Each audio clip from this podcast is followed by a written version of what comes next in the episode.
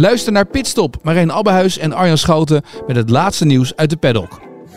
In Ferrari zag je af en toe nog wel een beetje stuiten hoor. Nou, toch wel. Een heel panel 20 keer dat boek heen en weer laten lezen van voor naar achter en van achter naar voren. Ja, ja waar winnen ze niet twee, drie tienden mee? Kun je je bijna afvragen tegenwoordig. En Verstappen zou alleen wereldkampioen worden. Beluister hem in je favoriete podcast-app. Dit programma wordt mede mogelijk gemaakt door Unibed.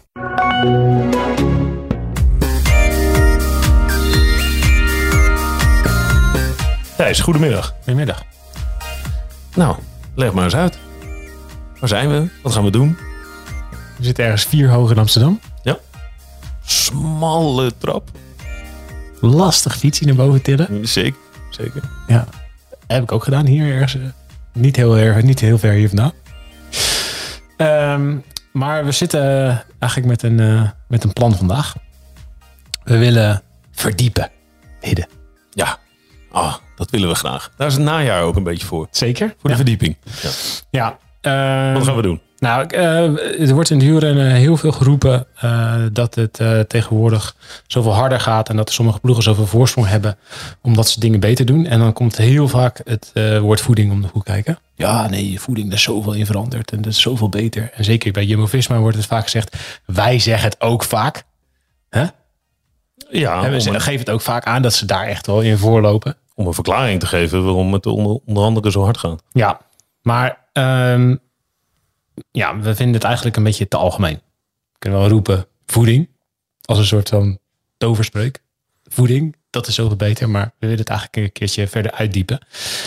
En ehm, ja, wie is daarvoor beter geschikt dan iemand die... eh, Die, wacht even, voordat je dat gaat zeggen. Die zijn interviews deed met een bakje rijst met groenten in de hand. Dan moest ik hem altijd even laten uiteten. En dan was zijn hap weg en dan mochten we. Ja, en van, van een, vanuit een tijdperk waarin voeding zoiets was als van ja, oh ja, dat hoort er ook nog bij. Doe eet lekker wat je wilt. Via een tijdperk waarin je precies kreeg voorgeschoteld wat eh, de machine uitrekende. Eh, en iemand die ook nog, eh, nou, laat ik zeggen, ruzie met zijn darmen had met voeding. Zeker weten. Komen Tom we, komen we vast nog wel even op terug. Ja, Mannen. Tom, wat fijn dat we hier mogen zijn. Ja, leuk. Ja, Pas zin in. hoe is het met je? Even kort. Goed. Ja, Heel goed. je ziet Ja, er ook goed uit. Dank je. Ja. We hebben een beetje, een beetje afgevallen deze zo. Beter, hè? Was het nodig? Eh, Het, eh, nou, nee, het ging wel. Het ging wel. nee, maar eh, ja, het gaat hartstikke goed. Hoeveel kilo was erbij? Mm, ja, toch negen of zo. Met mijn lichtste, lichtste toergewicht. 9 kilo. En nu eh, denk ik... eh, ja, ik ben nu zo 74. Dus als... Ja, op mijn lichtst was ik 69. Dus een- kilootje of vijf. Nu vind ik het wel prima. In de, winter, in de winter mag het weer iets meer zijn. Ja, een wintervachtje. ja. Ben je erbij bezig? Nou, nee, want ik weeg me eigenlijk bijna nooit. Ik weet nu toevallig dat ik rond de 74 zal zijn, omdat ik me een maand geleden heb gewogen. En toen stond dat op de weegschaal. dus dat is eh, ongeveer mijn eh, benchmark. Nee, maar ik vind het... eh, ik wil er gewoon wel een beetje fatsoenlijk bij, lopen. En, en, en ik, ga graag hardlopen. En ook nog steeds heel graag fietsen. En dan is te veel kilo's, dan wordt het gewoon daadwerkelijk minder leuk ook. En ik vind het juist zo leuk. Dus... ehm, ik wil niet meer zo mager en ongezond zijn als dat ik, eh, dat ik als renner was. Maar eh, ook eh, zeker geen speklaagje krijgen. Ben je blij dat je er vanaf bent? Van nadenken over eten en voeding? En, of ben je er niet vanaf? Nee, jawel, ik ben er wel. Ja, ik heb het nooit zo heel erg maniacaal en extreem gehad, denk ik. Ik kon het heel goed periodiseren. Dus richting zo'n Tour de France was ik heel maniacaal. Eh, maar dan kon ik ook. Ik heb nooit. eh, ik, zie best wel veel renners in het peloton die op een eetprobleem afzitten, zeg maar. Ehm, en dat heb ik eigenlijk nooit zo gehad. Eh, maar ik ben wel heel blij dat ik, ja, dat ik gewoon kan eten wat ik wil eigenlijk. En ja, als ik een keer geen honger heb, dan eet ik niet. En als ik wel honger heb, eet ik wel. Maar wat het dan precies is en of het nou precies afgewogen eh, zoveel gram koolhydraten, eh, proteïne en vetten is, nou, dat, dat zal me echt een godzorg zijn. Er is geen stemmetje meer in je achterhoofd die Nee. zegt als jij een eh, Magnum eet of een patatje oorlog. Dan moet je niet hoor. eten, toch? Nee, niet, niet meer dan, ik denk, de normale mensen, dus twee haakjes. Eh, ik bedoel, iedereen kent dat gevoel toch? Van, eh, goh, ik moet geen drie magnums op een dag gaan eten. Eh, dus dat is volgens mij ook een heel gezond gevoel om te hebben. Thijs zit heel vreemd te kijken. Maar ik herken dat wel hoor. Ja. ja, nee, maar volgens mij heeft iedereen dat. Dus niet meer dan dat ben ik ermee bezig. Ja. Ehm, eetprobleem. Wat is een eetprobleem voor een wielrenner in een, in een peloton? Wanneer is het te ver? Nou, in het peloton heerst wel een, eh, een zekere zin van magerzucht. Dus, eh, en wielrennen is wat dat betreft een hele vergevingsgezinde sport. Dus je zit op een fiets en je spieren, krijgen, je spieren pezen en zo krijgen geen klappen te verduren. Dus je ziet wel eh, heel veel renners en rensters waarvan je denkt, goh, die zijn echt ongezond mager. Hoe kun je in godsnaam nog presteren? En dat is een van de weinige sporten waarbij dat ook nog kan. Ehm, waarbij eh, waar- waarbij de, de absolute spierkracht zeg maar, niet zo eh, relevant is, behalve voor de echte sprinters. En je ziet dus ook geen hele magere sprinter. Ehm, maar eigenlijk alle rest, behalve de sprinters, dat zijn gewoon allemaal renners en rensters die, ja, die echt heel mager zijn. En, eh, en, en dan ook nog eigenlijk steeds beter gaan presteren. Dus ik merkte het ook bij mijzelf eh, in de jaren dat ik klasmensrenner werd. Ik viel elk jaar weer een half kilootje, werd ik weer lichter en nog lichter en nog lichter. En ging nog beter rijden en nog beter. En zelfs op het vlak, in een vlakke tijdrit merkte ik niet echt prestatievermindering. Ehm, op een gegeven moment wel in mijn, in mijn sprintwaardes heel erg. Dus ik had een moeilijke aanzet, zeg maar. En als, als het peloton eens een keer hard optrok naar een bocht, dan, eh, dan zat ik even eh, uit te puffen. maar goed, daar verloor ik mijn wedstrijden niet, niet op. En ik, ik won ze wel vervolgens, omdat ik eh, veel sneller in kool op kon. Of veel sneller, in ieder geval een beetje sneller in kool op kon fietsen. Ehm, dus ja, wat dat betreft is het vergevingsgezind. En ja, en zie je dus ook wel, wel, wel renners die daar soms in wat, wat in kunnen doorslaan. Ja, dat, dat zie je wel veel. Ja. Nou, Ik denk dat het vroeger misschien nog wel meer was dan nu. Maar daar komen we zo meteen nog op. ja, je omdat hebt een nu- periode gehad. Nou ja, Ja. het is natuurlijk een Ja. beetje... In de wielrennen is een beetje, zijn het een beetje gekke periodes geweest. Als je nu foto's terugkijkt van de jaren negentig, dan denk je... Holy shit, zijn, Wat die, wat zijn, die, afzakken. wat zijn die gasten dik? Ja. Ja, het is lullig, hè? Want er zijn natuurlijk, waren natuurlijk niet dik. Die, waren, die zagen er misschien wel iets gezonder uit. Deden misschien wel dingen die iets minder gezond waren. En daardoor reden ze ook heel hard met iets meer kilo's. Ja. Maar je ziet gewoon, ja, als je nu naar, naar terugkijkt naar die foto, ziet gewoon aan de bovenarmen van de renners van de jaren 90 en van de renners van nu. Dat is, dat is gewoon maal twee bijna. Toen. Ja. En daarna kreeg je een periode, eh, zeker toen eh, jongens als Armstrong zo extreem licht eh, gingen proberen te worden, dat je een soort van anorexia-periode in de wielrennen kreeg. De periode Rasmussen, zeg maar. Ja, ja, Zonder al te veel begeleiding, gewoon proberen zo licht mogelijk te worden. ja. Maar die, dat was in mijn beginjaren ook nog wel heel erg hoor. Dus ik ben prof geworden in 2012 en toen was dat ook nog wel. Toen, ik ben echt wel prof geworden in een periode dat, dat we echt weinig over voeding wisten. Maar dat is wel leuk om te beginnen, toch? Ja, Daar. dat vind ik ook. Dat vind ik een goed begin. Misschien even, eh, sowieso even voor de transparantie. Eh, want we gaan daar ook, denk ik ook ergens nog wel een keer dat onderwerp aanraken over de hedendaagse apps. Jij bent ambassadeur van. Eat My Right. Dat is een app en daar kun je ook je voeding trekken en voor, tijdens en na zeg maar een rit of een wedstrijd of whatever. eh, ja, je voeding eigenlijk optimaliseren op honderden manieren. Ehm, en daar ben ik in- inderdaad ambassadeur van. Dus dat zullen we misschien dadelijk nog wel eens eh, ter sprake brengen. Maar in ieder geval dat Ja. de luisteraar dat weet. Waarschijnlijk, want jij gebruikt dat. Ja, als het heel druk zou zijn, dan zou ik het ook niet meteen zeggen. Want ik heb geen zin om reclame te gaan maken. nee, eh, dat gebruik ik inderdaad. En eh, zeker voor eh, als ik eh, heel lange gravelwedstrijden moet rijden. ja, Dan kun je gewoon eigenlijk uitrekenen wat je precies moet hebben. Die app rekent het voor je uit. En dan kun je eigenlijk precies zien wat je per uur moet eten. En op welk moment welk voedingsmiddel. Dus ja, ik heb daar geen zin in om dat allemaal uit te rekenen. En ik kan het eigenlijk ook niet. Dus ik heb daar eigenlijk wel een appje voor nodig. En dat, ja, ik moet eerlijk zeggen. Als het niet zou werken, zou ik het ook zeggen. Maar het werkt echt. Oké.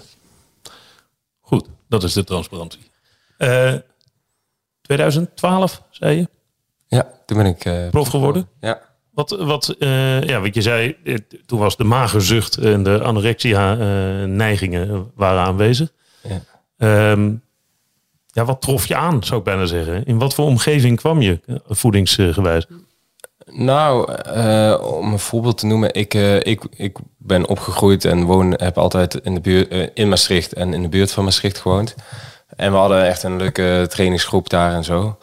En dan was het, zeker in mijn beginjaren als, als prof, was het zeker bij de oudere profs, ehm, was het echt wel een soort kunst om, om zo weinig mogelijk te eten als we, als we lang gingen trainen door de Ardennen of zo. Dan was het, eh, het, ja, de ene na de andere die, die viel uit met een hongerklop, zeg maar. En dat was gewoon degene die laatst een hongerklop eh, krijgt, dat is de winnaar van de dag, zo'n beetje. Dat, dat was een beetje het, de, de, de sfeer die er hing. En, en je kwam helemaal, helemaal moe en uitgemergeld thuis. Ehm, en dan ging je bikken als een malle om het morgen weer te doen, zeg maar. Dat, dat was hoe je duurtrainingen deed. Want, was de filosofie, ehm, minder eten, nou dan word je lichter. En eh, de filosofie was, eh, dan leer ik mijn lichaam op vet eh, te verbranden, zeg maar. Dus als, ik- als ik maar zorg dat mijn lichaam niet genoeg koolhydraten heeft om te verbranden, wordt het efficiënter, gaat het meer vet verbranden op die manier, zeg maar. Ehm, dus dat, dat was de gedachte die erachter zit. En ik heb ook al in mijn eerste paar jaar deden we op een gegeven moment dubbele training op een dag. En dan deden we de eerste training helemaal niet eten. Dus dan aten we een vet- en eiwitrijk eh, ontbijt, eh, zonder bijna geen koolhydraten. Gingen we dan vervolgens de koolhydraatvoorraad die we nog hadden van de vorige dagen leegrijden in de eerste rit van eh, drie uur. Kwamen we terug, gingen we lunchen, weer met alleen vet en proteïne. En dan gingen we weg voor training 2, helemaal scheel kijkend van de honger. En dan gingen we dan eh tempoblokken doen. Dus eh, iets onder je omslagpunt blokken doen. Om, om, het lichaam te leren van eh, ja, met beperkte hoeveelheid koolhydraten, of eigenlijk bijna niet, toch een behoorlijk hoog vermogen weg te trappen, zodat je efficiënter wordt. Nou, later is dat dus allemaal best wel ontkracht eh, in, de, in, de, in, de, in de wetenschap. Dat het gewoon, eh, ja, je kunt dat lichaam nauwelijks op die manier trainen. En de winsten zijn gewoon vele malen groter als je juist het lichaam leert om heel erg goed en efficiënt mega veel koolhydraten te verbranden binnen een bepaald tijdsbestek. Dus, Dus- dit is echt 180 graden omslag. Hè? Ja, De- dit is wat echt- Tom nu aangeeft, dus inderdaad tussen 2012 en 2016 is die omslag bijna in ieder geval bij heel veel ploegen. Zijn nog steeds ploegen die totaal niet interessant vinden blijkbaar. En gewoon lekker door blijven gaan op de oude manier. Maar dit is inderdaad hoe het ging. Ja. Gewoon proberen elke dag een negatieve energiebalans eh, Ja, eh, te maken. Zodat je elke dag nou ja, een beetje afvalt. Ja, totdat je dan na een week erachter komt, ik ben helemaal naar de kloten. En dan had je zo'n zo'n zo'n dag dat je alles frat dat los en vast zat. en dan was je je hele voor, waar je de hele, hele week voor had liggen lijden, was je dan alweer kwijt. En het is inderdaad, het is zo gek die, die balans. En nu zijn we dus in het tijdperk beland dat alles draait om zoveel mogelijk koolhydraten eten, verwerken en verbranden. En, eh, en, en, en dat werkt, want we zijn de laatste twee, drie, vier jaar is het echt het niveau in het profpeloton enorm omhoog geschoten. Eh, en dat is maar door één ding echt te verklaren. Ja, goed, je hebt overal marginal gains natuurlijk. Maar de voeding heeft echt een grote stap gemaakt. Is het de belangrijkste factor waarom het nu harder gaat dan een jaar vijf, zes geleden? Ja, ik geloof van wel, ja. ja.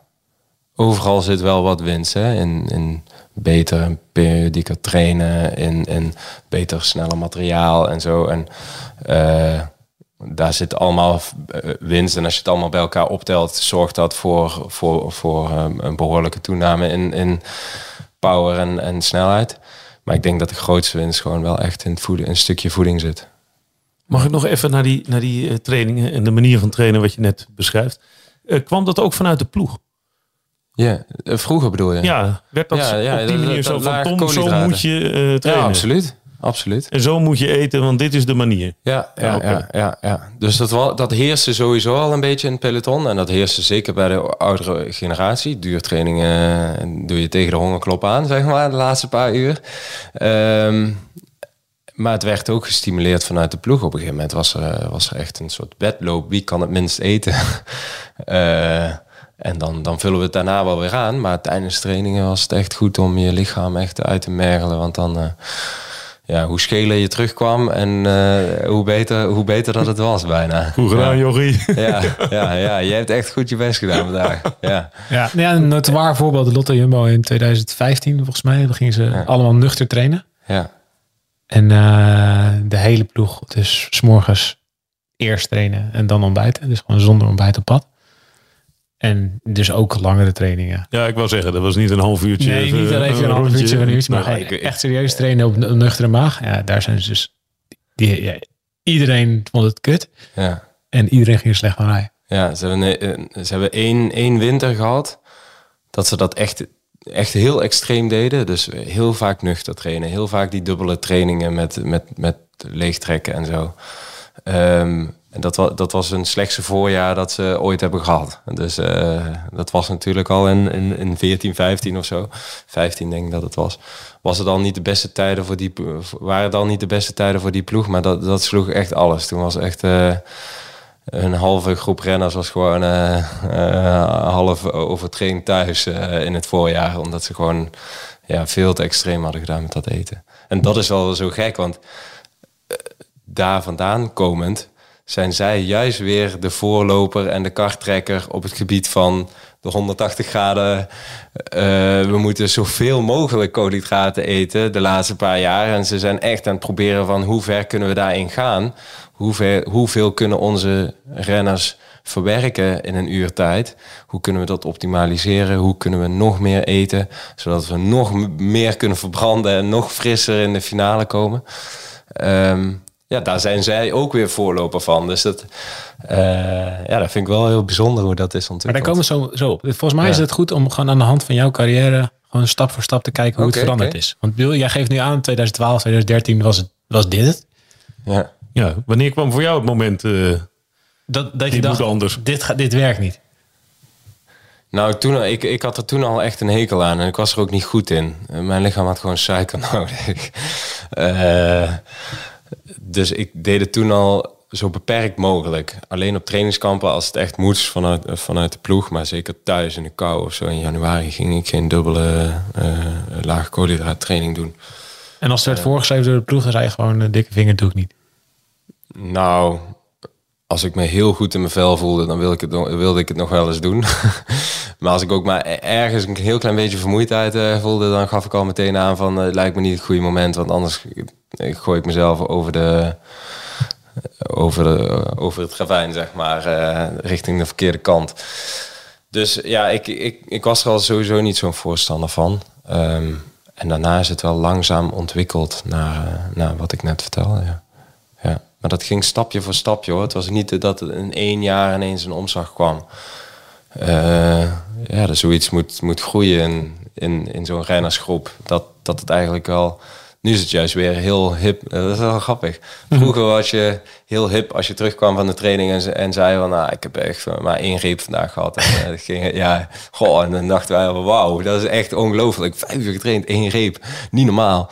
En nu is het juist weer hip als je zegt, eh, ik heb 120 gram koolhydraten gegeten vandaag in de, in de training, dan, dan ben je echt de koning van het stel, zeg maar. Ja. Eh, eh, ja, dat is echt heel, heel raar. Kom je nog uit de tijd van eh, dat je puddingbroodjes meekreeg onderweg en eh, wafels en dat soort dingen? Ja, absoluut, absoluut. Broodje kaas als je er zin in had. Ja, ja, ja, ja. Maar dat is, eh, ik weet niet hoe, of het dit jaar weer is. Vorig jaar denk ik ook niet. Maar het jaar daarvoor waren ook nog wel puddingbroodjes en zo. en, en volgens mij nu ook nog wel. Want Jumbo-Visma bijvoorbeeld heeft nog altijd wel een partnership met, met bijvoorbeeld Bisschopsmolen. En die maken ook gewoon ja, gebakjes of zo voor in de wedstrijd. Om wat anders te hebben. Maar dat is dan wel weer heel erg afgewogen. Ja, precies. Juist hoeveelheid eh, glucose, fructose. eh, verschillende- zomaar een puddingbrood. Nee, dat is niet zomaar een niet van de puddingbroodje. Nee, Nee. nee. Niet Ja, wel dat? van de bakken, maar dus wel helemaal afgewogen. Met eh, de vijf diëtisten van Jumbo-Visma hebben daar eerst een plasje over gedaan. En Ja, toen... ja. Niet de verzorger zoals vroeger die gewoon Nee, lekker een nee. avondje puddingbroodjes zat te bakken en Ja, vol nee, zat te nee, spuiten nee, met niet. room. Zo niet. Ja, Jammer. Het is wel jammer hè? Jammer dat maar dat ik vind het wel leuk dat ze erover nadenken. Dat, ze dus wel ook nadenken over smaak. Want daar word je af en toe natuurlijk wel gek van. Ik, ja, Ja. ik kom nog uit de tijd dat, je, dat we extrant kregen als voeding. En dan was een soort pakje. Dat dronk je dan tijdens de wedstrijd of vlak voor de wedstrijd of zo. Ja, dat was gewoon echt een soort cement. Ja. Niet te doen. Dat kreeg je gewoon niet weg. Dus dat, ja, dat voelde je ook zo door je slokdarm zo naar beneden. weet je, als je hele grote happen pindakaas neemt, heb je dat, dat ja. gevoel, weet je. maar dat je dan dus in de wedstrijd ergens moest wegwerken. Oh, dat was Ja. niet te hachelen. Maar dat was dan heel hip en, en modern. Ja, dat, dat was gewoon, niemand kreeg het weg. Nee. Ik heb een paar uitzonderingen na misschien, maar... Maar jij noemt eh, Jumbo-Visma terecht. Eh, die, die hebben die ontwikkeling eh, enorm eh, ter hand genomen. Maar Sunweb ja. was ook wel op tijd Ja. met de switch. Absoluut, absoluut. Die zijn ook. eh, ik eh, heb natuurlijk jarenlang voor, voor Sunweb en de voorlopers eh, gereden. En in 2017, toen ik de Giro won, toen werkten wij ook al met personalized plates, noemen we, en noemden Ja. wij dat toen. Dus toen. ehm, Voor het strevend systeem was dat. ja, ja, en toen. Wanneer zijn we daarmee begonnen? In dat jaar of al een jaar eerder? Eh, nee, dat jaar denk ik. Ja, dat jaar. Dat is eh, de diëtiste van de ploeg die rekende toen uit. Ehm, ja, je, kunt, je hebt eigenlijk gewoon je, je, eh, je, je hebt een vermogensmeter. Iedereen heeft tegenwoordig een vermogensmeter op de fiets. En, en vermogen is gewoon kilojoule per seconde. Dus je kunt gewoon uitrekenen hoeveel joule of hoeveel energie, hoeveel kilocalorieën jij eigenlijk, nou als je vijf uur hebt getraind, weet je gewoon precies, ik heb zoveel kilocalorieën verbrand vandaag. Ehm, heel makkelijk meetbaar met dat vermogensmetertje. Nou, dan heb je nog een beetje bazaal metabolisme bij. Eh, dat verschilt een beetje voor iedereen, maar dat, daar, ja, dat kun je wel, eh, na verloop kom je van tijd kom je daar wel achter. Eh, de een zit iets hoger in zijn verbranding, de ander wat lager. Maar op een gegeven moment kun je dus gewoon uitrekenen wat jij per dag nodig hebt. Dus heb, heb, heb ik vijf uur gefietst in de Giro bijvoorbeeld, met een bepaald gemiddeld vermogen, dan kon de diëtist gewoon voor mij uitrekenen van oké, dan moet jij dit en dit en dit eten op een dag. Ehm, en dan in de juiste verhoudingen, koolhydraten, vetten, eiwitten en zo. En zo eigenlijk in 2017 was zeker Sunweb daar ook echt wel voorloper in. Dat wij gewoon eh, eh, ja, echt uitgerekend kregen eh, wat wij moesten eten. En, en de diëtisten of de koks, die wogen dat dan af voor ons in de keuken. En dan kregen wij gewoon een bordje voorgezet van eh, dit, is, dit is wat je krijgt vanavond. En ehm, ja, dat was wel... Er stond ook wel wat brood op tafel en zo. En, en je kon ook altijd wel wat meer of minder. Ja, nou, minder was niet echt de bedoeling, want het was meestal wel eh, echt, echt afgewogen. Maar soms, ja, dan klopte die berekening toch niet helemaal hoor. En dan, eh, dan had ik toch het gevoel dat ik iets meer moest eten dan die personalized plates, eh, plates uitgerekend hadden. Ehm, dus dan had ik gewoon op gevoel wel iets bij. Maar het was wel een hele goede basis. Eh, ja, om dat Ja, op die manier. eh, goed referentiekader Ja, dus om dat, dat was inderdaad Ja. 2017. En dat was ja, eigenlijk gelijktijdig dat Sunweb daarmee begon, begon ook Jumbo-Visma daarmee. En zij zijn daar echt in doorgegaan. En hebben algoritmisch in, een, in hun eigen app gegooid. De app van de foodcoach app van, van Jumbo. En ehm, eh, ja, dat is eigenlijk dat is een super handig systeem geworden. Maar toen, dus, vergelijk dat eens even met een jaar of twee jaar eerder. Want in 2017 win je de Giro. Maar in 2015 was je eigenlijk al klassementsrenner. Ook al Ja. weet je misschien niet eens, wist je dat zelf nog niet eens. Ja, ja, ja. Maar in 2015 won je bijna de Vuelta. ja. Toen moest je al een stuk lichter zijn geweest dan de tijdrijdersjaren Ja. Daarvoor. Toen je Ja, nog niet het klopt. idee had dat je ergens een keer in de Ja. finale nog een call bij Ja. de beste moest oprijden. Maar dat deed ik echt zonder diëtist, gewoon helemaal zelf. Dus dat is wel een grappig verhaal. Want ik was... ehm, in 2015 wilde ik mij focussen op de tijdrit in Utrecht. Dus de Tour de France die, die startte in Utrecht. Met een tijdrit van 10 kilometer of iets dergelijks. Nou, perfect. Super mooi voor eigen publiek. Eh, Proberen het geel te pakken. Nou, uiteindelijk werd ik vierde. Eh, Niet top, maar ik, ik had even... Ik dacht van, nou, kan beter twee kilo zwaarder zijn dan twee kilo eh, lichter. Dus ik heb in die periode daarvoor ben ik op hoogtestage geweest, maar altijd flink lopen bikken om in de eh, eh, ja gewoon dan doe ik kan ik goede trainingen, dan ben ik altijd fris, dan eh, ja dat gaat gewoon veel beter. En de enige wat mij die hele tour interesseert is die ene eerste dag in Utrecht en daarna zie ik het wel. Dus dan was ik twee kilo eh, ja, zwaarder dan normaal. Nou, zeg, En- zeg doe daar eens, plak daar een getal op. Hoeveel was je? Ja, ik denk een kilo of 73 of zo. En toen was ik, zeg maar, een normale gewicht was 71 in die tijd. en toen, eh, toen viel ik dus op dag drie op weg naar Hoei. Eh, stond ik Enorme tweede in het algemeen ja. klassement. Hoopte ik eigenlijk de gele trui daar te gaan pakken. Want kan, alleen Cancellara stond voor me. Mindere klimmen. Maar goed, hele grote valpartij. Brak mijn schouder. uit, ook uit de kom. Moest ik de Tour verlaten. En toen heb ik een week depressief op de bank thuis gezeten. Vol zelfmedelijden. En toen en lekker chocola lopen vreten. en toen bekeek mij aan het einde van die week eens een keer in de spiegel. Toen dacht ik, Tom, dit is echt niet best, joh. dus eh, twee kilo plus een keer heel veel, heel veel gevreten de, de, afgelopen week. Zag er echt, ik voelde me een opgezette pad. Ik dacht, dit, is, niet goed. En eh, je wil nog, ja, het seizoen is een beetje mislukt. Omdat je, de, je grote hoofddoel was, was die, die tijdrit in Utrecht. Is niet gelukt. Dus toen, ehm, toen ben ik eigenlijk op eigen eh, beweging. Ik dacht van oké, ik, ik, ik moet gaan afvallen. Want ik wil, nou, ik ga proberen de Vuelta te halen. Ik wist toen nog niet of dat, of dat ging lukken. Want mijn schouder lag wel. En eh, ja, die was gewoon gebroken. Maar goed, ik ben dus gaan trainen en, en, eh, en, en minder gaan eten. En ben toen zelf een beetje gaan, gaan opzoeken van ja, hoe, hoe kan ik dit slim doen? Ja, ben toen op die manier wel wat gewicht kwijtgeraakt. Wat deed, wat deed je?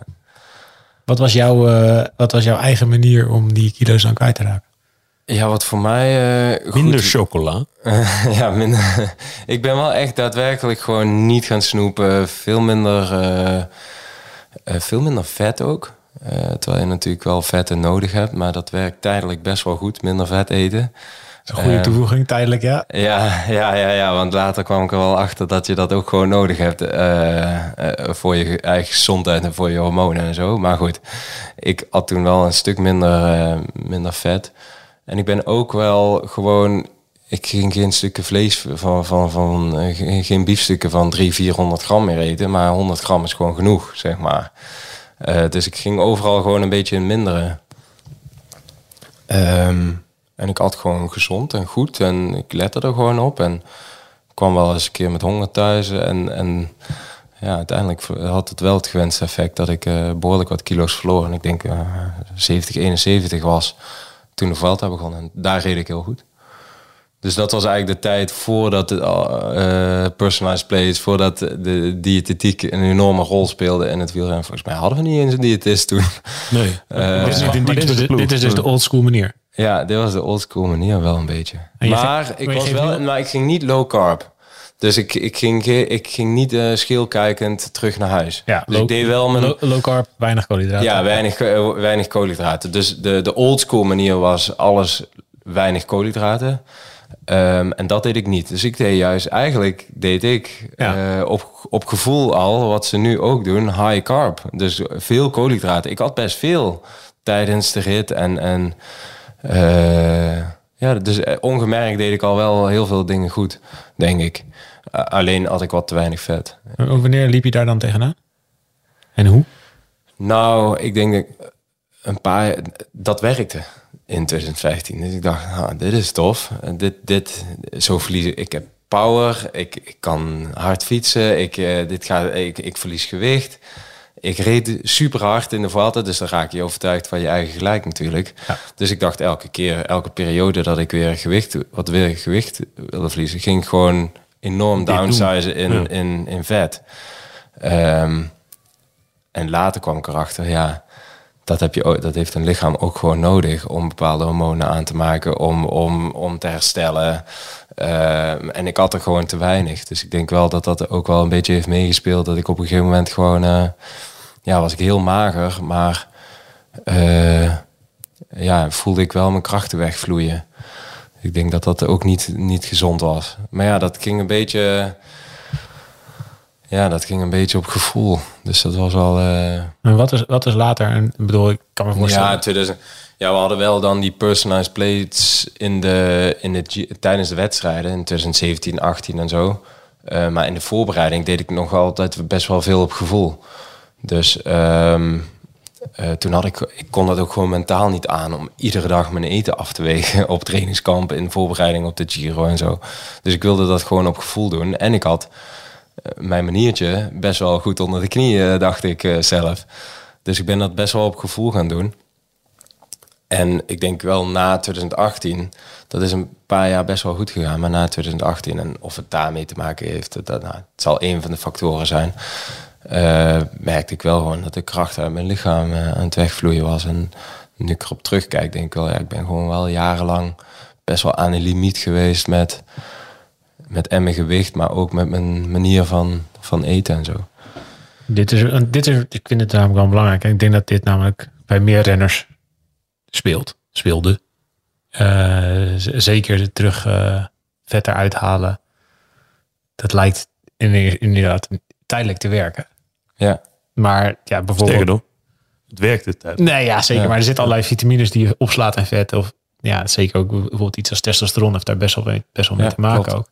Dat als je dat te lang eh, een te laag niveau van hebt, ja, dan herstel je dus minder goed. Dan bouw je minder Ja. spier op. En dan kost je wel op den duur. Ja.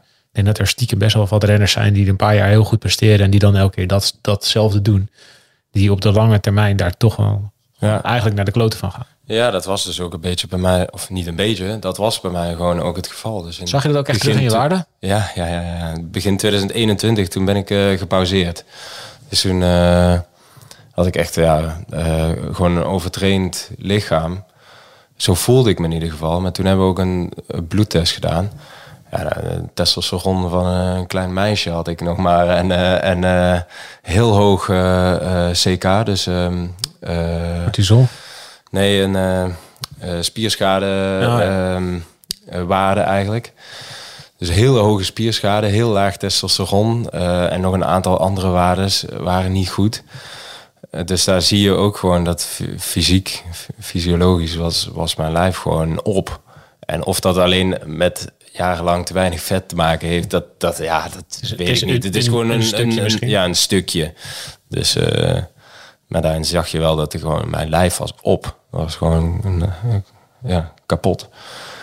En eh, ja, dat, dat, dat is nu wel, kijk, het niveau is enorm omhoog gegaan. En topsport is per definitie niet gezond. Hè?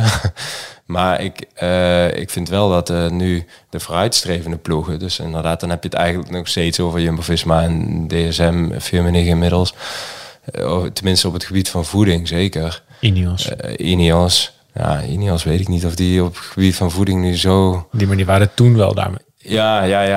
Maar die, die rekenen dat uit en, en dan... eh, ja, er zit een wel een alge- zelfs een algoritmisch systeem zit achter, achter wat je moet eten en zo. En je ziet wel gewoon, ja, hoe lang is Roglic nu al goed eigenlijk? Hoe lang rijdt hij al elke wedstrijd weer op, het, op topniveau? En dan bij Vingegaard kun je nog zeggen, ja oké, eh, die is de- pas de afgelopen twee jaar dat hij echt als een komeet naar voren is. Maar Roglic bijvoorbeeld, Ja. ja, dan doe je als atleet iets goed. Hè? Ik bedoel, Roglic zelf heeft vele talenten. Maar dan doe je ook gewoon in je stukje voeding... moet je van alles heel erg goed doen. Dat je zo lang op topniveau kunt eh, presteren. Ja, dat hij dus elke wedstrijd scherp staat. Maar niet problemen heeft dat hij te Ja. scherp staat. Of dat hij Ja, problemen heeft met vetinname. Of. Ja, absoluut. Dus dat is... eh, ja, daarom zei ik ook in het begin van de podcast... Van dat stukje voeding is gewoon de, wat mij betreft, de reden eh, geworden... Dat, dat, dat het nu gewoon een stuk harder gaat in het peloton. En dat Jumbo-Visma nu zo'n voorsprong heeft op vele andere ploegen. Eerst nog even terug naar 2017. Ja. Toen ze bij jou aankwamen met personalized, personalized plates. Van, Ja. dit mag jij eten en, en dat is het. Wat dacht je toen? Nou ja, nee, hier zijn er meningen over verdeeld. Maar volgens mij, eh, als ik het me goed herinner, ben ik, ben ik degene geweest die dit heeft gevraagd aan de ploeg. Oh, serieus? Ja, dus ik wist dat, eh, ik had van horen zeggen dat Jumbo-Visma, die waren al bezig met eh, vezelrijk en vezelarm. Dus vezels houden vocht vast eh, in je darmen eigenlijk. Dat is hartstikke gezond. Dat is goed, want dan loopt het rustig door, zeg maar. Dan kan het even rustig de tijd krijgen om daar eh, tot een mooie keutel eh, te worden. te worden. Ehm, maar dat, houdt, dat houdt behoorlijk veel vocht vast. Dus als jij vezelarm gaat eten, dan kun je wel 1 tot 1,5 kilo zeg maar, lichter zijn dan dat je vezelrijk e- eten eet. En zij waren eigenlijk de pioniers op dat gebied ook. In 2016 deden ze dat volgens mij voor het eerst, of misschien zelfs eerder, dat moet je hun vragen. Maar denk, Eh, toen 2000 begonnen- denk 2016, ja. Dat is echt serieus. hoor. Ja, ja, toen begonnen zij dus een grote ronde op te splitsen in vezelrijke dagen en vezelarme dagen.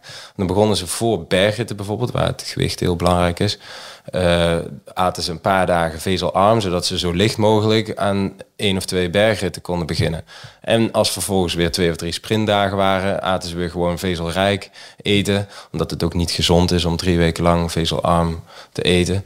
En dus hadden zij hun Even, even concreet, Ja. wat, betekent dat? Geen groente. Ja, geen, Geen- oh ja, geen- ja, ja, geen, geen- volkorenproducten, geen groenten, geen fruit. eh, eigenlijk alles dat wij als gezond achten, als normale mensen, eh, eet je dan niet. Dus je eet wit brood, je eet eh, cornflakes, je eet... ja, eigenlijk eet je voor de... Ja, Kale in de volksmond best... Kale spaghetti, in de volksmond eet je gewoon best wel ongezond. Ja. Ehm, maar goed, er werd wel altijd middels sapjes en zo. Want eh, we hadden een groentesappen en die persten ze dan. Dus de- je kreeg wel je vitamines en mineralen binnen. Dat, daar, daar zorgt dus wel voor. Maar in ieder geval, zij begonnen best wel wetenschappelijk naar de voedingsinname eh, eh, in zo'n grote ronde te kijken. En toen dacht ik van, ja maar wacht even. Ik ben ook altijd een beetje aan het worstelen. Ik kwam altijd vaak wel wat aan tijdens een grote ronde. Omdat ik zo bang was om niet meer genoeg energie te hebben. En ik ging veel vocht vasthouden, in de laat, vooral in de laatste week. Dus ik dacht, ja, dat was ook mijn probleem. En ik dacht, als we nou niet, niet alleen een stukje vezels doen, maar we gaan ook een beetje proberen ongeveer uit te rekenen wat we eigenlijk moeten eten. En ja, met die vraag ben ik eigenlijk naar de ploeg gegaan en, ze, en zij zijn daarmee aan de slag gegaan. En toen, dat is eigenlijk volgens mij zoals de, ja, toen, toen zijn de personalized plays begonnen eigenlijk. Ehm, dus ja, dat was, dat was best wel, eh, volgens mij liepen we daar weer op vooruit bij Jumbo-Visma, die dat in 2017 zeker nog niet hadden volgens mij, in die, in die Giro.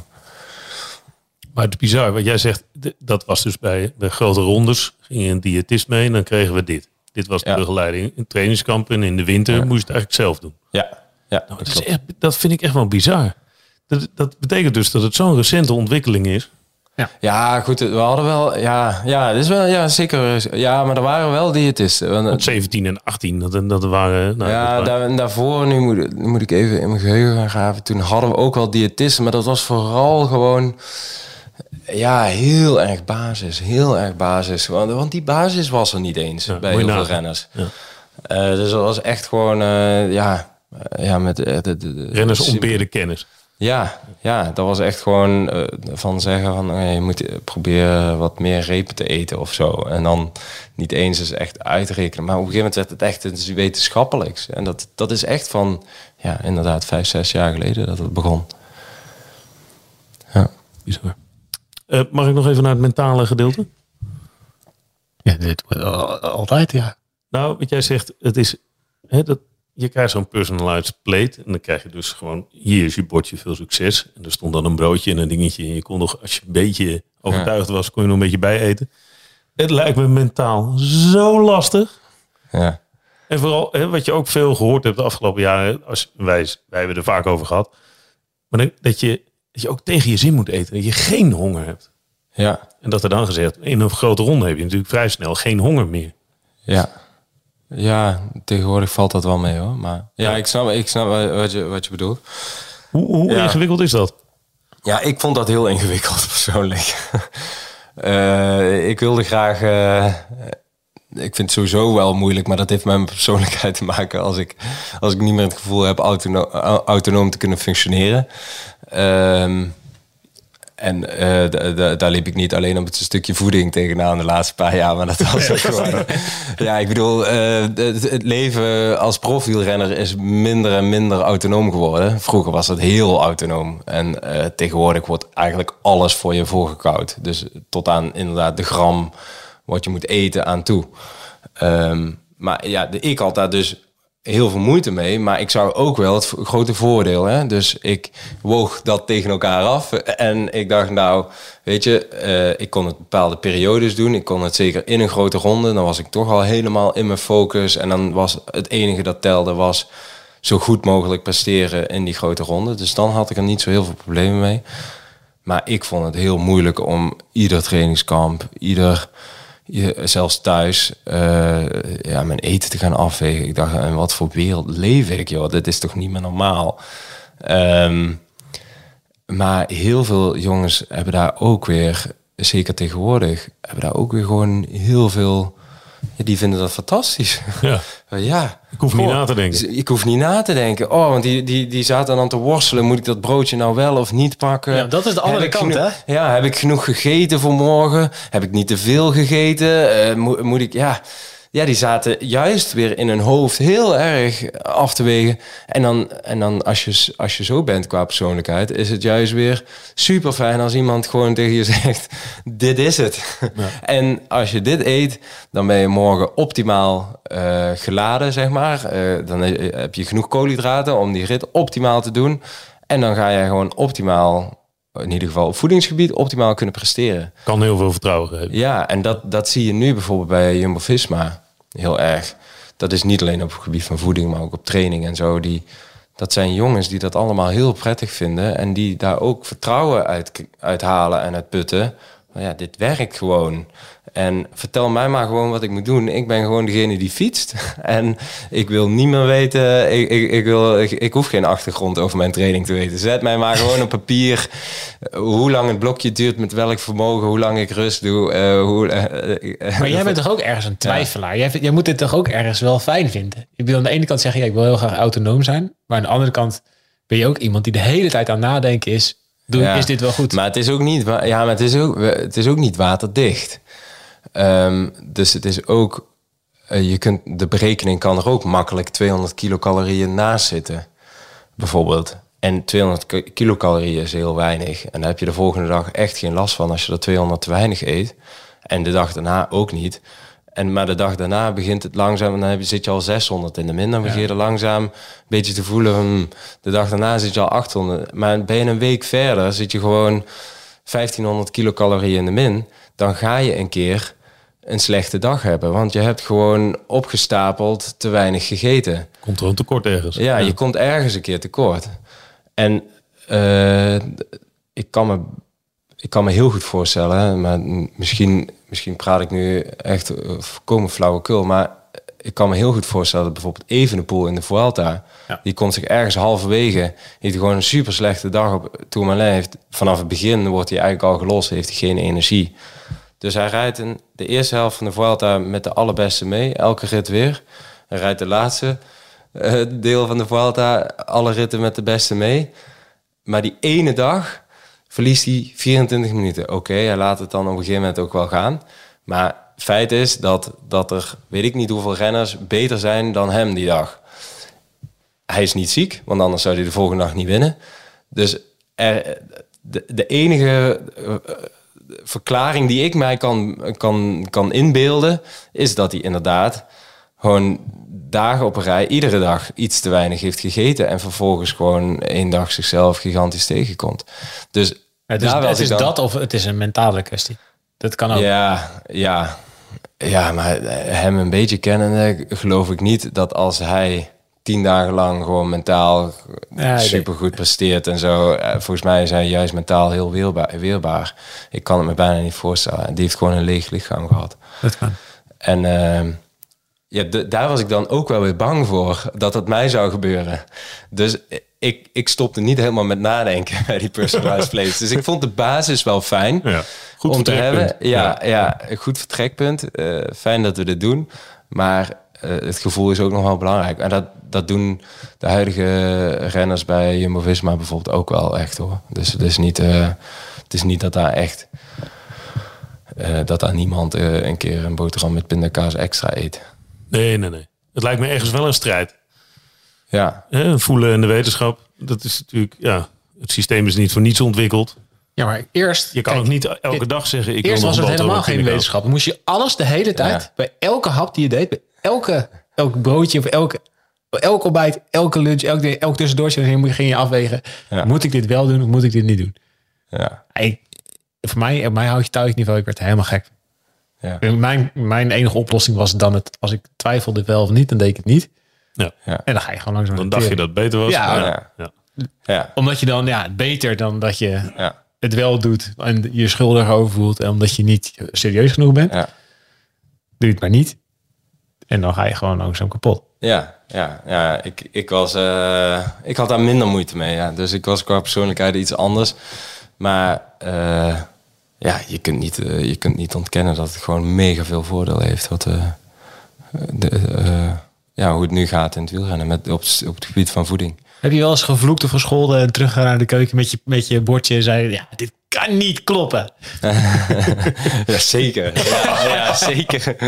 Maar ik niet alleen hoor. Dus eh, ja, ja, absoluut. En zeker ook dat jaar, eh, ik weet nog, eh, in, in 2017, toen, toen kreeg ik ook laatst, ja, als, als ik alle voeding ten spijt, eh maag-darm, eh, dat was altijd mijn, mijn zwakke punt. Dus, en eh, als je vermoeid bent, dan wat gaat er als eerste sputteren? Dat is je zwakste punt. Dus de een krijgt last van zijn knie, de ander krijgt last van zijn hamstring, de ander krijgt last van zijn maag-darmstelsel. Nou, ik hoorde bij die, bij die laatste groep. En in die laatste week vond ik het gewoon steeds moeilijker om, om nog goed te eten. En toen weet ik wel, toen kwamen... eh, toen was ik al een paar dagen dat ik, dat ik de vermoeidheid behoorlijk begon te voelen. Maar toen hadden we dus eerste jaar, eerste keer personalized plates. En toen hadden ze bedacht, en dat is allemaal uitgerekend voor, vooraf al. eh, eh, toen hadden ze bedacht van ja, we geven ergens in de laatste week na een zware berg stond er zo'n hele droge bak bulgur of couscous voor mijn neus. Ja, ik kreeg het gewoon niet weg. En ik werd er zo kwaad van. Ik dacht, haal weg die rommel. Ik wil gewoon iets dat ik zo naar binnen kan schuiven. Liefst giet het in vloeibare vorm naar binnen. Gooi het allemaal in de blender. Het maakt mij niks uit. Maar dit gaat niet, zeg maar. En eh, toen, toen heb ik het echt moeten overlaten. Het kreeg het gewoon niet weg. Ik vond het zo niet lekker. Terwijl, ja, het was gewoon... Het enige wat er mis mee was, was het, was droog.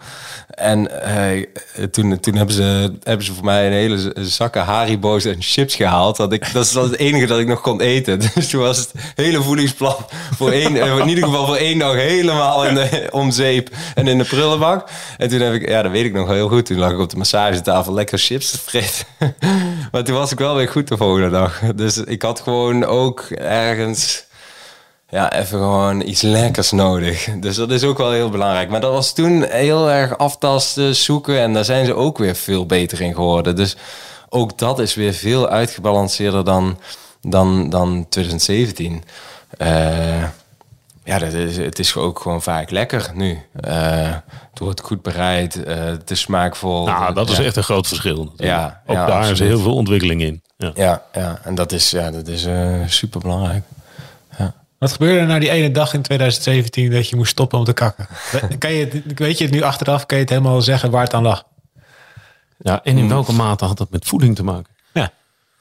Ja, ehm goh, dat, nee, ik, ik weet het nog steeds niet. eh, nog steeds niet zeker wat er toen gebeurde.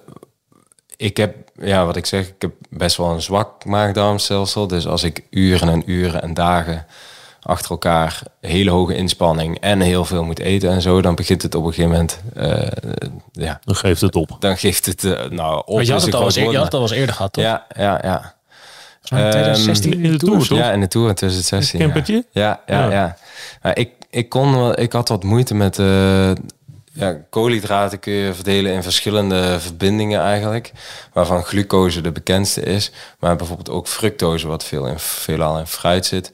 is best wel een belangrijke eh, eh, factor. En eh, dat is ook een wetenschap van de afgelopen jaren eigenlijk. Nou, laten we zeggen afgelopen tien jaar. Dat... ehm, je moet verschillende verbindingen eigenlijk eten om tot een optimale en maximale opname te komen. Dus als jij alleen maar producten gaat eten waar alleen maar glucose in zit, kun je niet, kan jouw lichaam dat niet zo. Dan kun je geen 90 tot 100 tot soms wel meer gram per uur van glucose. Dat, dat krijgt geen lichaam opgenomen. Ehm, en als je daar fructose aan toevoegt, wel. Dus op een gegeven moment was, de, was het heel bekend om dan alle eh, sportrepen en sportgels en weet ik wat allemaal, werd allemaal 2 staat tot 1 verhouding. Ehm, dus twee, eh, twee stuks, eh, twee gram eh, glucose en 1 gram fructose. In die verhouding zat het, zat het in het product en nog, nog steeds wel heel vaak. Ehm, maar naarmate die producten meer en meer kwamen, kreeg ik wel meer en meer last van mijn darmen. Dus ik heb wel een beetje het vermoeden dat, me, eh, dat ik niet geweldig tegen fructose kan. Ik kan het prima eten. Ik zit niet op twee wc aan het eten van een appel. Maar onder hoge inspanning, onder hoge stress, Op hoogte. eh, op hoogte. En ook, ik was die dag, het was de koninginnenrit in de Giro. Dus ik, altijd, ik was gewoon bang voor een hongerklop. Dus wat ga je dan doen? Dan ga je heel veel eten, want dan heb ik tenminste genoeg gegeten. Maar ik ging gewoon te veel eten. En op momenten dat mijn lichaam zei, oh, nu even niet. Toch maar die reep naar binnen stouwen. En toen op een gegeven moment eh, was het, eh, ging het mis. Dus ik, ik, ik weet nog heel goed, eigenlijk tot aan de top van de Stelvio ging het best wel prima. Maar ik kwam daar redelijk nekje af boven. Want we reden gewoon een stevig tempo. Op 2700 meter hoogte of zo. En toen dacht ik, ja, die, die klim is meer dan een uur. Ik heb meer dan een uur bijna niks gegeten. Dus ik moet nu snel een reep eten. Dus toen heb ik een reep gegeten. En meteen na het eten van die reep dacht ik... Deze was niet goed. en toen voelde ik de hele afdaling van dit was niet best. En eh, toen kwam ik onder, hoopte ik dat het, dat het weg zou trekken eigenlijk. Ehm, maar het werd alleen maar erger. Dus toen, was het, eh, toen moest ik toch echt eh, stoppen. Dus ja, dat. Epische dag. Epische dag, geweldige afdaling. Ja, dat is wel de laatste afdaling. Toen het er helemaal uit was, toen reed ik dus Ja, nee, goed. op Oemral redelijk. Redelijk tot goed, reed je eh, fantastisch. Ja, ik verloor nog wel een klein beetje extra tijd. Maar, maar en toen, eh, ja, een afdaling was goed. Ja, dus, eh, Afdaling heb je tijd gewonnen. ja, Ja. ja, ja, Toen die finish in Bormeo. ja, ja. Linksaf laatste bocht. Ja, ja. Ga die rit terugkijken. Hij staat, op, Oh. hij staat op YouTube. ja, zo, die rit is fantastisch. Ehm, ik heb nog eens een keer een stuk geschreven. In 2018 volgens mij. Toen kreeg ik alle data van Sunweb over jouw vermogens, vermogensgegevens en lichaamsgewicht in de Giro en Tour van 2018. En wat me daarvan bij is gebleven is dat, jij, dat jouw gewicht voor de Giro en na de Giro en voor de Tour en na de Tour op een, volgens mij op een tiende van een kilo hetzelfde was.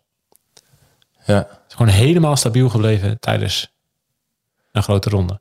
Ja, ja, en dat was het doel van die personalized plates. Maar dat werkte dus perfect. ja, ja dat, we, dat werkte. Ja.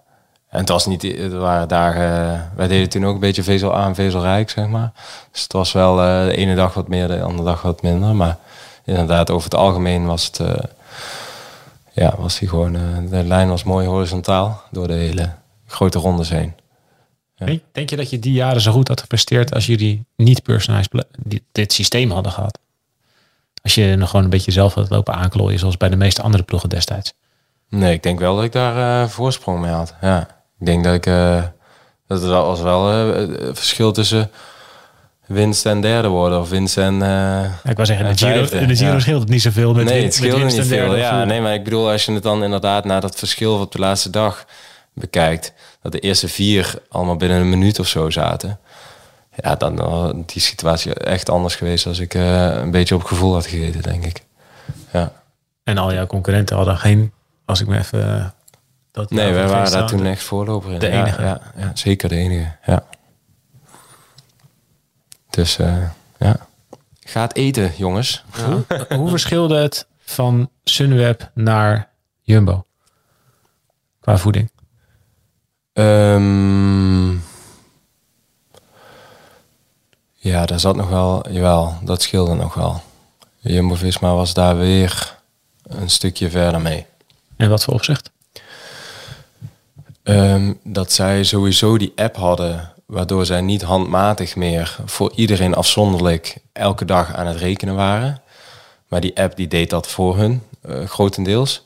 Dus er zat gewoon een algoritme achter. En zij zetten ook, zij ma die koks in de keuken maakten dus ook niet meer ieders afzonderlijke eh, bordje klaar. Maar er stonden gewoon bakken met eten. En iedereen, je had die app met precies daarop van 93,7 gram eh, biefstuk en eh 227,5 gram eh, eh, eh, pasta. En dat schepte je dan op uit, ja ongeveer hè, maar dat schepte je dan ongeveer op uit, het, uit die bakken. Waardoor eigenlijk de hele ploeg ehm, optimaal Ehm, Ja, en niet meer alleen maar een paar kopmannen. ja, niet alleen maar een paar kopmannen, maar gewoon iedereen was optimaal gelood, zoals wij dat noemen. Dus eh, carb eh, loading, dus koolhydraat loading. Eh, stonden ze aan de trainingsrit of, of aan de wedstrijd van de volgende dag. En dat was het grootste verschil. Plus dat eh, ehm, bij Jumbo-Visma hadden ze ook gewoon ehm, echt door dat dit... Ja, ze haalden gewoon experts in dienst, zoals Asker Jeukendrup bijvoorbeeld. Ehm, ja, die, die gewoon echt wel internationaal bekend waren op het gebied van sportvoeding. Dus ze, ze, ze hadden ook gewoon, eh, en Martijn, de diëtist, eh, die nog steeds het hoofd is daar, Reden geld. eh, Redengeld, die, ja, dat waren gewoon echt toppers in hun vakgebied. En dat, dat, ja, dat, dat was echt wel te merken. Dat we, ja, die wilden gewoon echt dat, net dat stapje beter en meer en, en ja, nog professioneler eh, doen. En dat, dat was wel, eh, ja, dat, dat viel me echt heel erg op bij Jumbo-Visma. Waren er dingen die daar niet werkten? Of die voor jou niet werkten? Op het gebied van voeding? Ja. Ehm, nee, ik denk niet dat dat... eh, ja goed, ik had niet mijn beste jaren bij Jumbo-Visma natuurlijk. Eh, ik zat een beetje te worstelen met mezelf, maar dat had niet met het stukje voeding te maken. Ik denk eh, op het gebied van voeding was daar alles top en, en gewoon echt waanzinnig goed geregeld. Dus dat was, eh, ja, nee, daar kan ik niks over zeggen. Als je nu kijkt naar het peloton, welke, hoeveel procent van de ploegen, welk deel van de ploegen denk je dat in orde heeft en welke niet? Ja, inmiddels, eh, het viel mij wel op. Ik zat eh, afgelopen Tour de France eh, met diëtist van, van Lotto Destiny ook aan tafel en bij Vive le Velo. En ja, die zijn nou ook wel super goed bezig. Dus het is wel, en bij Arkea waren ze ook weer, want ja, dat praat zich toch rond. Hè? En de ene diëtist gaat weer naar de, wordt verhuisd weer naar een andere ploeg, wordt een beetje half weggekocht. En dus uiteindelijk verspreidt het zich toch wel. En het viel mij op dat heel veel ploegen nu met dat afwegen. Bijna iedereen is supporter volgens mij tegenwoordig aan het afwegen in zo'n grote ronde. Ehm, dus ik denk wel dat dat nu wijd verspreid is in het peloton. Alleen of zij, ja, ze lopen wel gewoon achter. Dus wa- wat ik zeg, 2017 zat Ja. ik al aan de personalized plates. Daar werd het al afgewogen. En er zijn sommige ploegen zijn daar net aan. Eh, Nu, zes jaar later, zijn ze daar net mee begonnen. Ja, want ik weet nog dat bij Lotto, Ja. dat hoeveel jaar geleden, was twee jaar geleden denk ik, dat Thomas de Gent zei, als ik, Ja. als ik een dag een dagje in het peloton blijf, dan doe ik zo'n broodje. en, dan, Ja. En als ik een dagje eh, vooruit wil rijden, dan neem ik zo'n Ja. En dan ja, ja. ja. we twee keer zo'n groot baguetje. Ja, ja. ja, dat is gewoon. En dat, dan zie je ook, ook bij de ploeg van Thomas.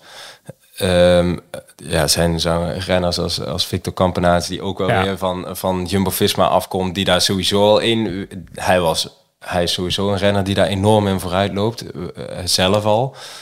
Komt ook nog van, een, van twee of drie jaar Jumbo Visma af. Dus die neemt die kennis ook wel weer mee naar de ploeg van, eh, eh, van- Lotto Destiny, waar, waar Thomas de Gent dan weer bij rijdt.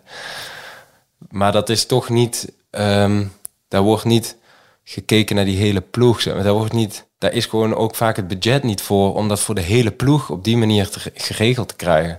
Want daar is ook gewoon enorme investeringen in gemaakt door, eh, door bijvoorbeeld Jumbo Visma hè, in die app en in die.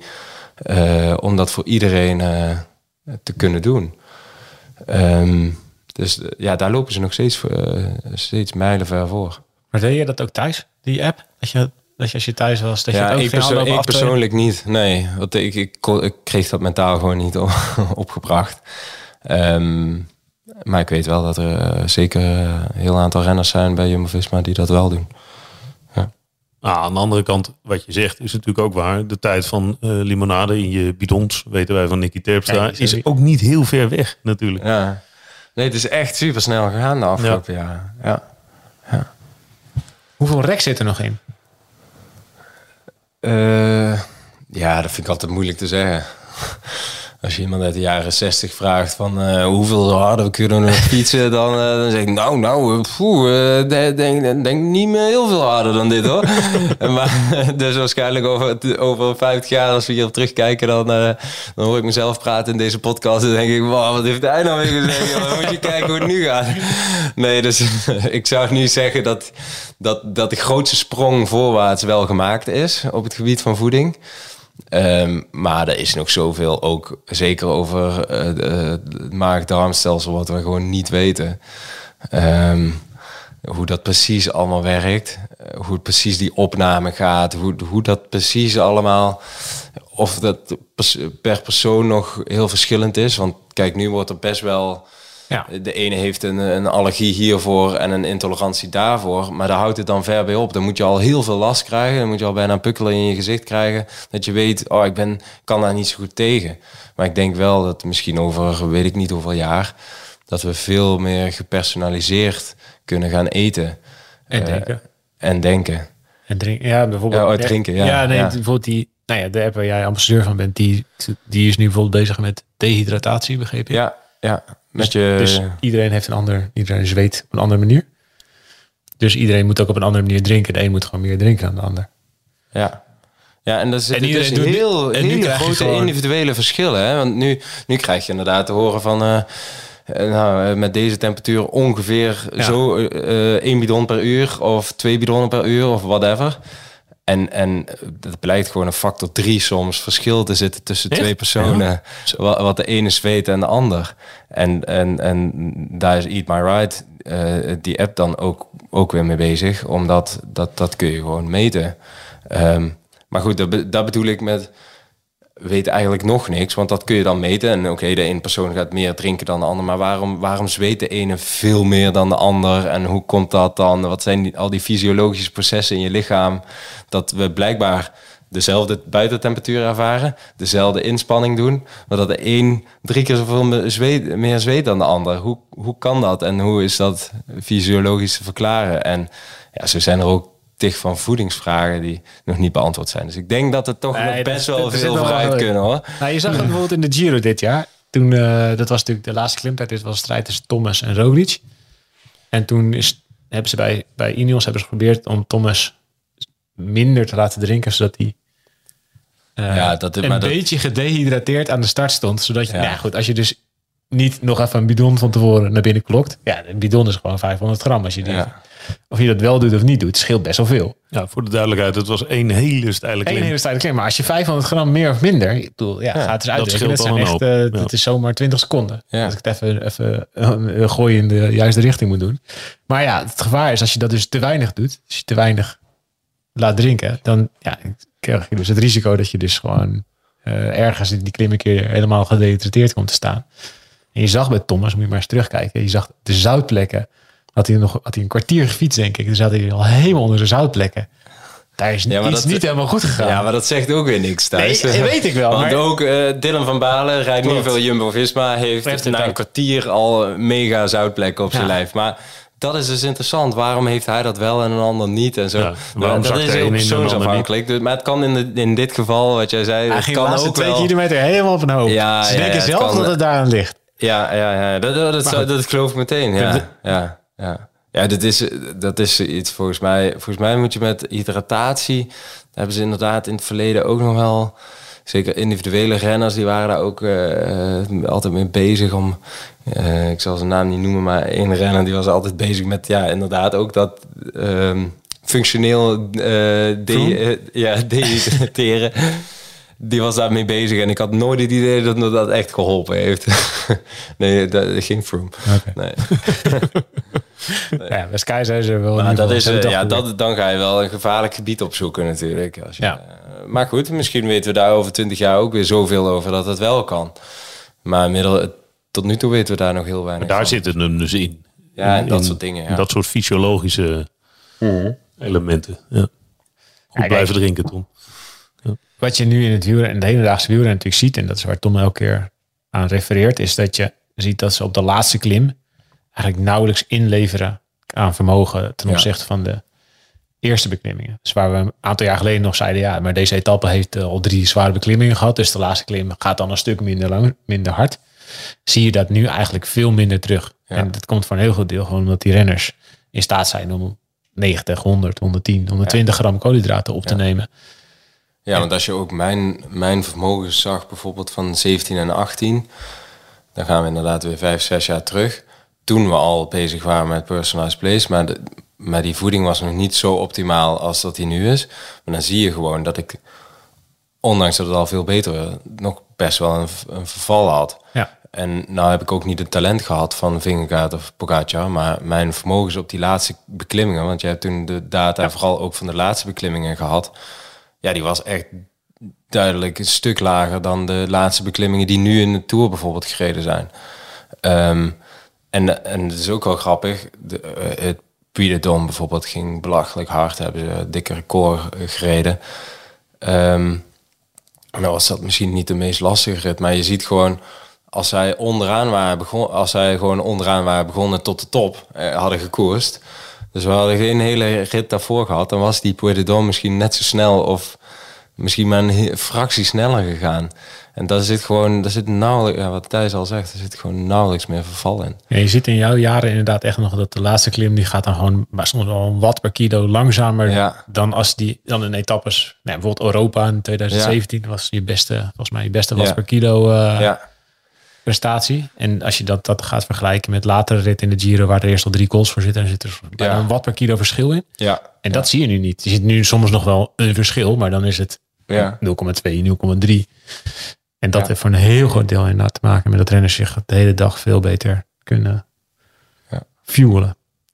Dus dat is inderdaad exact het tegenovergestelde als tien jaar geleden, waar we Ja. met z'n allen leerden om met zo min mogelijk koolhydraten om te gaan. Nu Ja. is het gewoon maximaal koolhydraten stampen. ja, ja.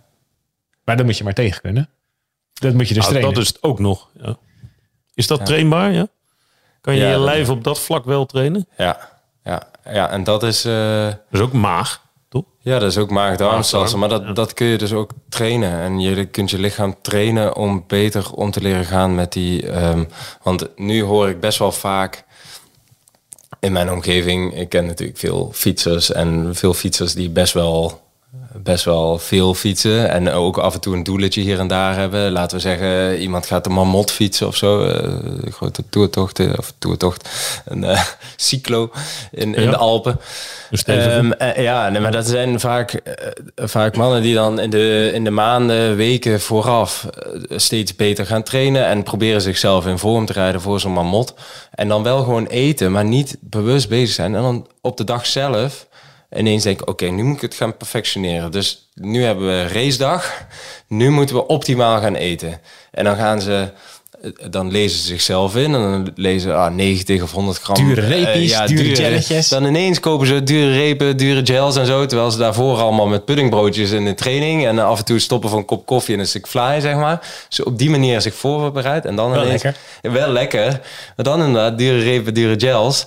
En dan er dan halverwege achterkomen van kut. Dit, oh, sorry. Even voor mijn taalgebruik. Maar dit, dit, dit kan mijn, dit kan maag-darmstelsel niet aan. En dat is... eh, ja, dan wil je dan, dan eh, zonder dan te veel in die reclame. Maar daar helpt bijvoorbeeld zo'n app als Eat My Right mee. Want daar kun je gewoon ook in de voorbereiding een heel goed plan maken. En en een gepersonaliseerd plan voor tijdens en na eh, je trainingen. Om te leren om ook die, die inname, zeg maar, wekelijks eh, langzaam te verhogen. En zo, zo, leer, zo leert je lichaam gewoon beter om te gaan met, met inname tijdens. eh, Ja, dat is meer een pleidooi voor, voor ook nog allemaal andere apps. Of het nou trainingsapps zijn of ja, food apps of ik. Of een diëtist. Die kan, het ook, die kan je ook over meedenken. Maar dit is wel echt een enorm ding. Ja, ik, ik heb er zelf denk ik een, een jaar over gedaan om het te leren. Ja. Om een lichaam te leren. Ja, ik reed vorig jaar een lange mountainbike wedstrijd. Ook van zeven uur zo. En toen kreeg ik na vier uur zo een pijn in mijn pens. Toen dacht ik, echt, ja, dit trekt mijn lichaam dus gewoon niet. Maar ja, dat moet je dus tijdens trainingen doen. Maar dat is op een andere manier. Dus niet meer inderdaad ouderwets. Doe limo een bidon en ik stop een keer onderweg en dan koop ik een Snickers en dan eh, kom ik al thuis. Oh, maar dat mag nog steeds best wel een keer. Maar ja, Maar, maar wel echt wel iets meer met een idee. Dus volgens mij is dat ook wel een goede tip aan mensen die eh, ergens een keer een doel hebben.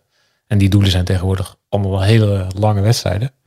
Er zijn bijna geen mensen die zeggen, Nee. ik wil graag binnen een uur de Nee. Alpe d'Huez oprijden. toch? Die moeten allemaal zes keer. Ja, ja, ja, ja.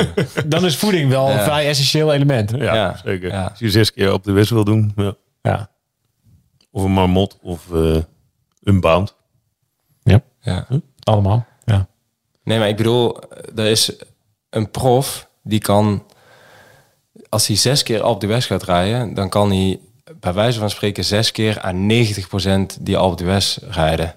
Dus als jij normaal 400 watt eh, gemiddeld genomen op je allersnelst die Alpe d'Huez kan doen, dan moet je wel rijden. Dit is wel een hele goede prof hoor. Sorry. Eh, 400 watt gemiddeld Over heel Alpe d'Huez? over, voor heel Alpe d'Huez. Dit is een goede prof. Nee joh. Als jij, als jij, eh, als jij eh, tegen de 70 bent, dan is het bijna 6 watt per kilo. Ja, maar dat, dat, kan, dat, dat, nou, een, een, goeie, een goed klimmende prof kan dat echt wel. Dat Ja. is- Een half profpeloton kan dat inmiddels hoor. Ja, die, die- dit hier zie je in heeft. ieder geval. Ja. nou, nee, maar ik Maar ga bedoel, door, die, kunnen door. wel, die kunnen wel zes keer aan 360 watt Ja. eh, eh, eh, achter elkaar, die Alpe d'Huez. Omdat zij, maar dat heeft alleen maar met voeding te maken. Alleen maar met voeding. Alleen als jij eh, eh, eh, teru- terug naar de, de amateurfietser die, die, die Alpe d'Huez gaat rijden en zes keer de Alpe wil doen, die, die, kunnen, die, die rijden vaak, een, weet ik veel, als ze op het allersnelst zouden ze een uur en een kwartier erover kunnen doen, bij wijze van spreken.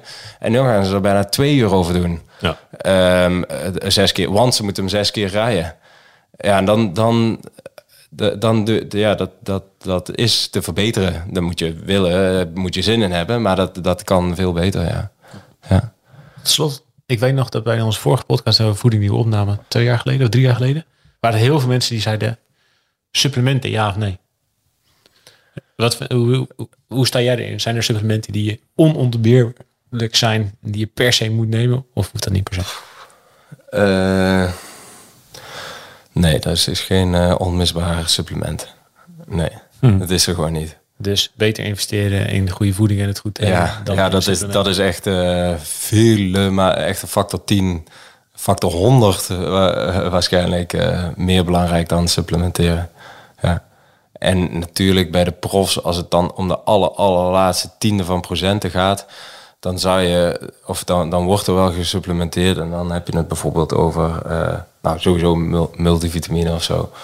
Maar eh, de bicarbonaten, eh, dat, dat wordt wel gedaan. Ehm, maar dat ook alleen maar op bepaalde dagen en alleen maar met bepaalde inspanningen. En dat is echt. Ja, de mensen denken dan, die horen dit soort dingen dan, weet ik veel waar ze dat horen, op Instagram of TikTok of zo. Dan een influencer heeft het over bicarbonaat en dan menen ze dat ze dan tien keer zo hard gaan fietsen. Dat is echt flauwekul. Want dat is zo specifiek voor een bepaalde specifieke inspanning dat je dat, dat, je dat neemt. En dan heb ik het over korte, Ja. explosieve inspanningen van een paar minuten of, of iets langer. moker, veel, Tijdritten. moker veel van nemen. Ja, dan moet je Zorg voor, super... zorg voor een betere opslag van je eh, Ja, het is eigenlijk een lactaatbuffer. Ja. Dus het, eh, ja, je, je, ja, precieze Stelt de verzuring een beetje ja, uit. ja, zo zou je het kunnen, zo zou je het kunnen noemen. Ja, ja.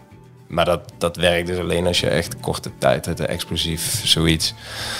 Ehm, ja, dat, dat heeft voor de, de, gang, de normale amateur echt, eh, hou daarmee op. ga, maar gewoon, ga maar gewoon eerst even dat stukje niet. voeding eh, eh, goed doen. Ja. kan ook gewoon een stukje fly nemen bovenop de Keutenberg. Dat is wel veel gezelliger. Is echt lekker ook. Boven op de, de Keutenberg? Keutenberg? Nee, daar ligt niks. Nee, ik zit even na te denken. nee, nee. Daar zit het kruispuntje. Eh, waar de dode man en de Keutenberg En bij dan heb je elkaar komen. de, de, de molen. Is er een oude molen of een oude boerderij? En dan kan Ja, een ik moet wel voorbij de eh, boerderij. Ja, misschien zit ik daar al te veel af te zien. Ja, dat, oh, dat zou wel. Ja, m- misschien weet je meer dan ik hoor. Een paar weken geleden heb ik daar een stukje fly... eh, Maar na, na het stukje vals plat. Ja, ja. En je Zeg moet maar, even je door. en dan door de een huisjes. Ja, ja, door de huisjes. En dan ga je vals plat door. En dan komt er een... eh Een kruispuntje waar de dode man van Ja. links komt, zeg maar. nou, en dan da- zitten links Als je vanaf de Ja, Keukenberg ik, komt, ik zit er links Ja, ja, ik ben er nooit geweest. Maar Nee? goede tip, dank je. Maar echt heerlijke fly. Ja, Ja, is daar, Oh, ambassadeur. Oh, is ambassadeur van deze, Ja, van deze koffieput. Namen moeten we hebben, namen. Ja, dat is, dat is, heb je helemaal gelijk in, maar dat weet ik niet. Is een heerlijk stuk. Eh, dankjewel Tom. Graag gedaan. Dit was ontzettend leuk. Jullie bedankt. Ja. Vond het gezellig. Bedankt voor het inkijkje. Yes. Dit programma werd mede mogelijk gemaakt door Unibed. Luister naar de AD Voetbalpodcast. De dagelijkse podcast voor alle voetballiefhebbers. En mijn vrouw heeft totaal geen verstand van voetbal hoor. Dus die weet ook niet of het re- reëel is voor Feyenoord of niet. Maar Hebben we het niet over? They're back. Hè? Grote kans dat een van de Italiaanse teams ook de finale haalt. Hè? Dit accepteren we niet. We stoppen ermee. Geen voetbal meer vanavond. kwart over zes ging, ging de telefoon. En niet, niet één keer, maar een keer of zes achter elkaar. Beluister hem in je favoriete podcast app.